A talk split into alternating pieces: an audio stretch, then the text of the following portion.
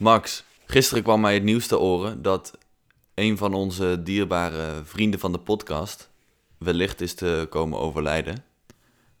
en dan heb ik het over Kim Jong-un. Mhm. Ja, eh, het gerucht gaat dat hij eh, ja, Het het loodje, heeft heeft gelegd. Wow, oké, sick. Eh, nee, klopt inderdaad. Ik kreeg dat bericht ook. Ehm, ja. Ja, en wij zijn dan wel twee eh, mensen die daar dan meteen opvlammen. Ten eerste om te kijken of dat klopt.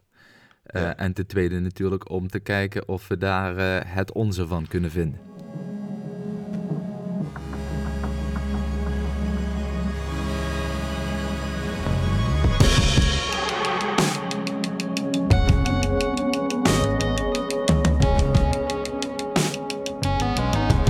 Oké, ten eerste, klopt het? Is hij dood? Ehm, nou ja, dat weet niemand. Even afgaande op dat bericht. Het bericht werd gedeeld door ehm, bijvoorbeeld de Telegraaf en ja, nog wat, eh, nog wat andere, wat meer obscure eh, nieuwswebsites. En een, de vice-president, of de ex-vice-president, dat weet ik even niet, van eh Hong Kong Satellite Television, een of ander Hongkongse televisiestation, die Ja. Eh, zou op Twitter ge- gepost hebben dat de Noord-Koreaanse leider is te komen overlijden. En dat zou ze dan hebben uit eh, eh, een mega betrouwbare bron. Mhm. Nou, Oké. Maar even, even een klein stapje terug, want het is natuurlijk wel een feit dat Kim Jong-un ziek is. Hij is volgens mij één of twee weken geleden in een ziekenhuis opgenomen en hij moest iets van een operatie hebben. ja, precies. Dus ook een, allemaal een beetje vaag hoe en wat precies. ja, hij heeft een hartoperatie gehad. Ja, Dat, dat kunnen we wel aannemen. Hè? Met de enige aan zekerheid grenzende waarschijnlijkheid is die jongen wel ziek. ja. Ehm, en ik zeg jongen, want hij is pas 36. Maar ja, Ja. het nieuws dat hij dan eh, eventueel aan complicaties ofwel aan die operatie zou zijn overleden, ja, dat, dat is dus alleen nog maar door die Twitterbron eh, geopperd.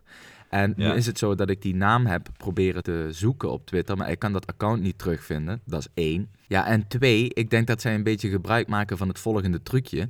Het zou inderdaad kunnen zijn dat Kim Jong-un in eh, levensgevaar is. En als je dan maar als eerste zegt dat hij dood is, nou dan heb je, als het wel zo is, een primeurtje. Mhm. En als het niet Mhm. zo is, ja, dan, ah ja, sorry, ik heb me vergist. Of ja dan was het een quote van een, een Hongkongs nieuwsstation. Ja, ja, precies. Dan zeg je gewoon, ja, mijn bron heeft zich vergist. Boeien, Nou, dat- je, geen ja, haan die er naar kraait. Maar oké, dus met een, kleine, een klein fake news belletje kan hier wel, eh, kan hier wel rinkelen. Eh, ja, want ik zag ook dat, eh, dat The Guardian, het laatste bericht erover is dat er, een, dat er een groep Chinese artsen naar Noord-Korea is gestuurd. Ja, dat is, vanocht, dat is vanochtend dus ook Ja. in het NRC verschenen. Ah, oké. Maar De als we NRC, dan toch ja, een beetje diezelfde techniek kunnen hanteren als de Telegraaf, dat als het nou waar is, dan hebben wij wel straks een primeur. Misschien dat we wel een beetje kunnen soebatten over wat nu de gevolgen zijn als hij echt is komen te overlijden. Dat zijn grote gevolgen, denk ik. Ja, zeker. Of in ieder geval, dat zou grote gevolgen kunnen hebben.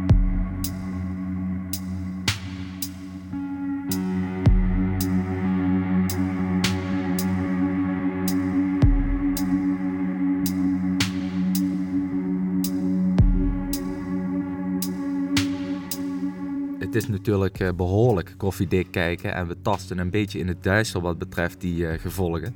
Maar eh, laten we beginnen met de interne gevolgen voor het land. Namelijk, er bestaat best wel een kans dat daar een koep gepleegd wordt. Ja, nou, het is sowieso al dat hij geen opvolger heeft. Hij heeft geen kinderen, hè?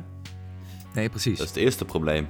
Dus- ja, dat is ook meteen het grootste probleem, want anders was het makkelijk. Dan zeg je, nou, dit knulletje van 8, die is nu de supreme leader. Ja.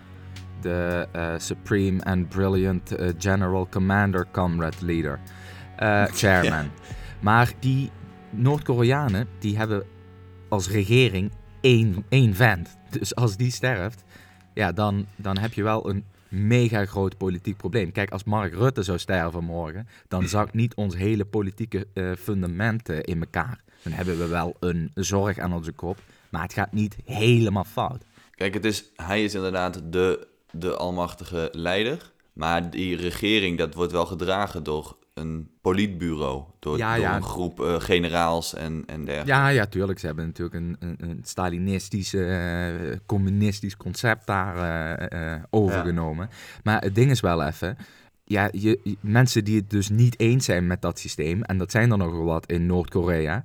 Ik denk namelijk dat wij een mega eh, ja, versimpeld beeld hebben van wat de Noord-Koreanen eigenlijk zelf vinden van dat systeem. Want ik denk dat die indoctrinatie echt niet zo gek veel effect heeft op die mensen. En je kunt je natuurlijk voorstellen dat op het moment dat die Kim Jong-un dan sterft, dat degene die het niet eens is met dat regime, eh, zijn kans schoon ziet om daar eh, eh, van te profiteren. Met andere woorden, om ofwel een coup te plegen ofwel een, eh, ja, een of ander burgeronrust eh, te initiëren. Ik denk het niet. Ik denk dat dat...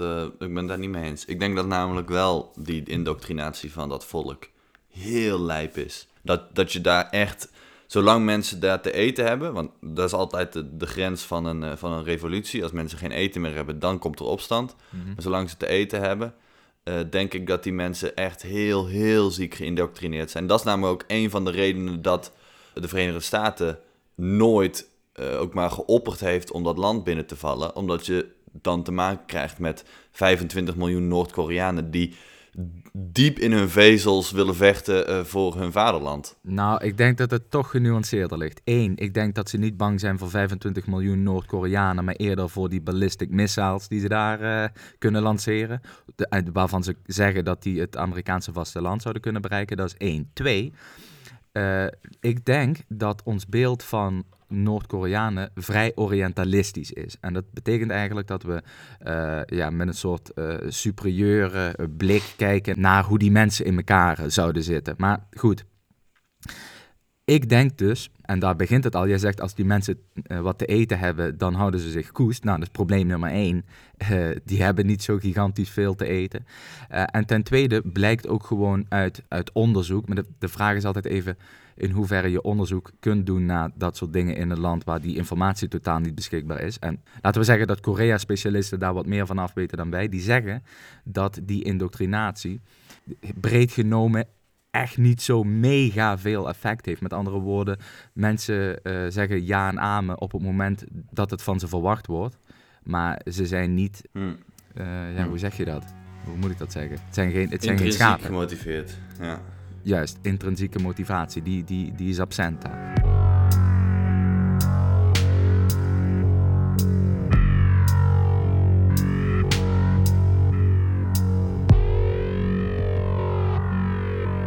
Nou, dit lijkt me een eh, klassiek eh, agree to disagree verhaal dan. Maar op internationaal vlak is natuurlijk wel een probleem als je zo'n eh, ja, vreemde eet in de bijt met allemaal nucleaire wapens, dat als daar onrust ontstaat, dat lijkt me toch eh, lijkt me niet bepaald chill. Nee, het is ook een- het is aan heel veel landen eh, die zien het liefst dat, dat, dat Noord-Korea gewoon een soort stabiele ja, factor blijft. Nou ja, stabiel tussen haakjes, want dat land is zo instabiel als weet ik het wat. Maar ik bedoel, een land dat enigszins onder controle is. Het is een soort tijger in een kooi. En, zo, en het is in heel veel landen aangelegen dat die tijger in de kooi blijft. Ja, ja, precies. Nu doen de wildste verhalen de ronde. Ik las ergens dat ze denken dat eh, China gaat proberen om, eh, hè, mocht nou blijken dat Kim Jong-un is overleden, om daar dan een puppet te- installeren, zodat ze wat meer grip krijgen op dat land. Eh, ja goed, wat Mhm. daarvan waar is, dat mag Joost weten. Ja, maar kijk, Kim Jong-un zelf is ook een soort van puppet van, van, de, van de Chinese staat. Want dat land valt of staat bij de steun van China. Als China morgen alle, alle touwtjes doorknipt, alle di- diplomatieke banden en alle, alle financiële staatssteun doorknipt, dan, dan is dat land eh, geruineerd. Dan is het klaar. Dan hebben ze een heel groot probleem. Ja, ja, ja. De- ja. Dus jij denkt dat er wel een kern van waarheid in zit? Ja, maar ik denk dus dat je niet hoeft te verwachten dat daar eh, een of andere Ch- Han-Chinees eh, komt te zitten. Maar ehm, ja, dat die Kim-dynastie, die dus al sinds de jaren 50 daar aan de macht is, eh, die kan prima doorgaan. Bijvoorbeeld de zus van Kim Jong-un. Want dat zijn eigenlijk allemaal al, die zitten allemaal al heel diep in, het, in, in, in, in de pockets van de Chinezen. Ah ja, oké. Ehm, nou ja, dat wat betreft China. Ik denk dat Amerika, dat ze zich daar op eh, het Ministry of Foreign Affairs ook wel redelijk eh, achter de oren beginnen te krabben. Ehm, als ze erachter komen dat daar uh, een machtvacuum gaat ontstaan. Want ja, aardsvijand van Noord-Korea is natuurlijk de USA. Overigens, mm Trump die vindt het allemaal maar bullshit. Die ontkent zelfs dat Kim Jong-un ziek is. Ja, maar je moet wel bedenken dat Trump wel iets betere informatie heeft dan jij en ik, hè? in dit geval. Want de Amerikanen hebben gewoon, die, die zijn gewoon 24-7 dat land aan het bespioneren. Die hebben er satellieten boven hangen. Uh, en die waren dus ook als een van de eerste om te, te, op te merken dat hij afwezig was tijdens de Nationale Feestdag. Ja. Um, ja, dus het kan best dat, want dat gaat natuurlijk allemaal via de, de, de CIA en weet ik het wat. Mm -hmm. Ja, dat, ja, dat Trump daar inside information heeft die wij niet hebben. Dat die man eigenlijk gewoon springlevend is, maar dat hij gewoon een kater had. Oké, okay, nou daarom ja. niet was. Ja, oké, dat, dat, laten, we dan even, laten we dan even in het midden. Inderdaad, misschien heeft uh, Trump wel gelijk. Maar nu, vandaag is het toch wel een relatief belangrijke dag. Omdat er een, uh, ja, een soort militaire feestdag is. En als die dus vandaag niet uh, verschijnt, als die vandaag niet ten tonele verschijnt, ja, dan wordt die, die conspiracy theory of conspiracy theory, geef je de naam, die wordt weer gevoed natuurlijk. Ja, en dan, dan zullen ze toch sterk beginnen te vermoeden dat die jongen echt, echt is gestorven. ja, ja.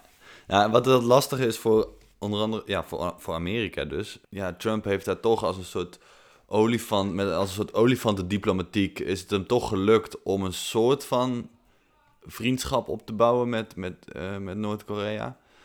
Uh, wat daar uiteindelijk van terecht gekomen is, kun je e-, eeuwenlang over, over lullen.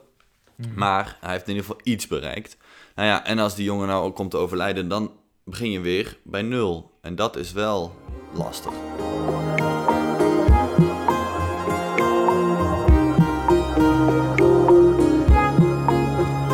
Mochten er Noord-Koreaanse luisteraars zijn die een revolutie willen uh, opstarten, um, ja, veel succes.